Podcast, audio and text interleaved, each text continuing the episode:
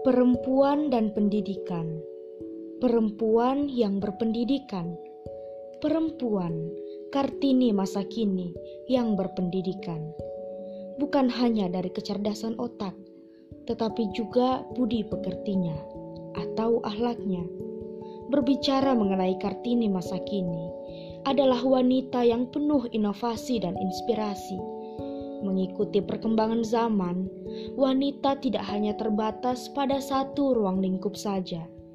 Perjuangan Kartini dahulu identik dengan perjuangan emansipasi wanita. Makanya, sekarang sudah bisa kita lihat wanita-wanita, perempuan-perempuan di Indonesia sudah bebas, sudah boleh bekerja sesuai keinginannya dan terpenuhi hak-haknya. Kartini masa kini, yakni perempuan-perempuan yang bisa membangun dan membawa peradaban jadi lebih baik.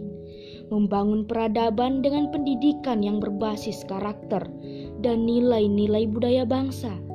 Karena perempuan juga membawa pengaruh besar. Selamat Hari Kartini yang ke-142.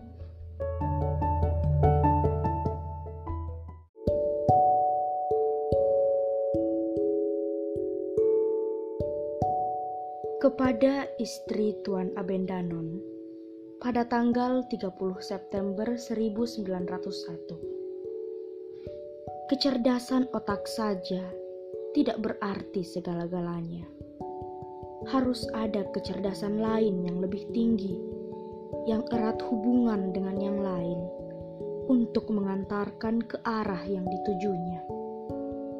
Di samping otak, juga hati harus dibimbing.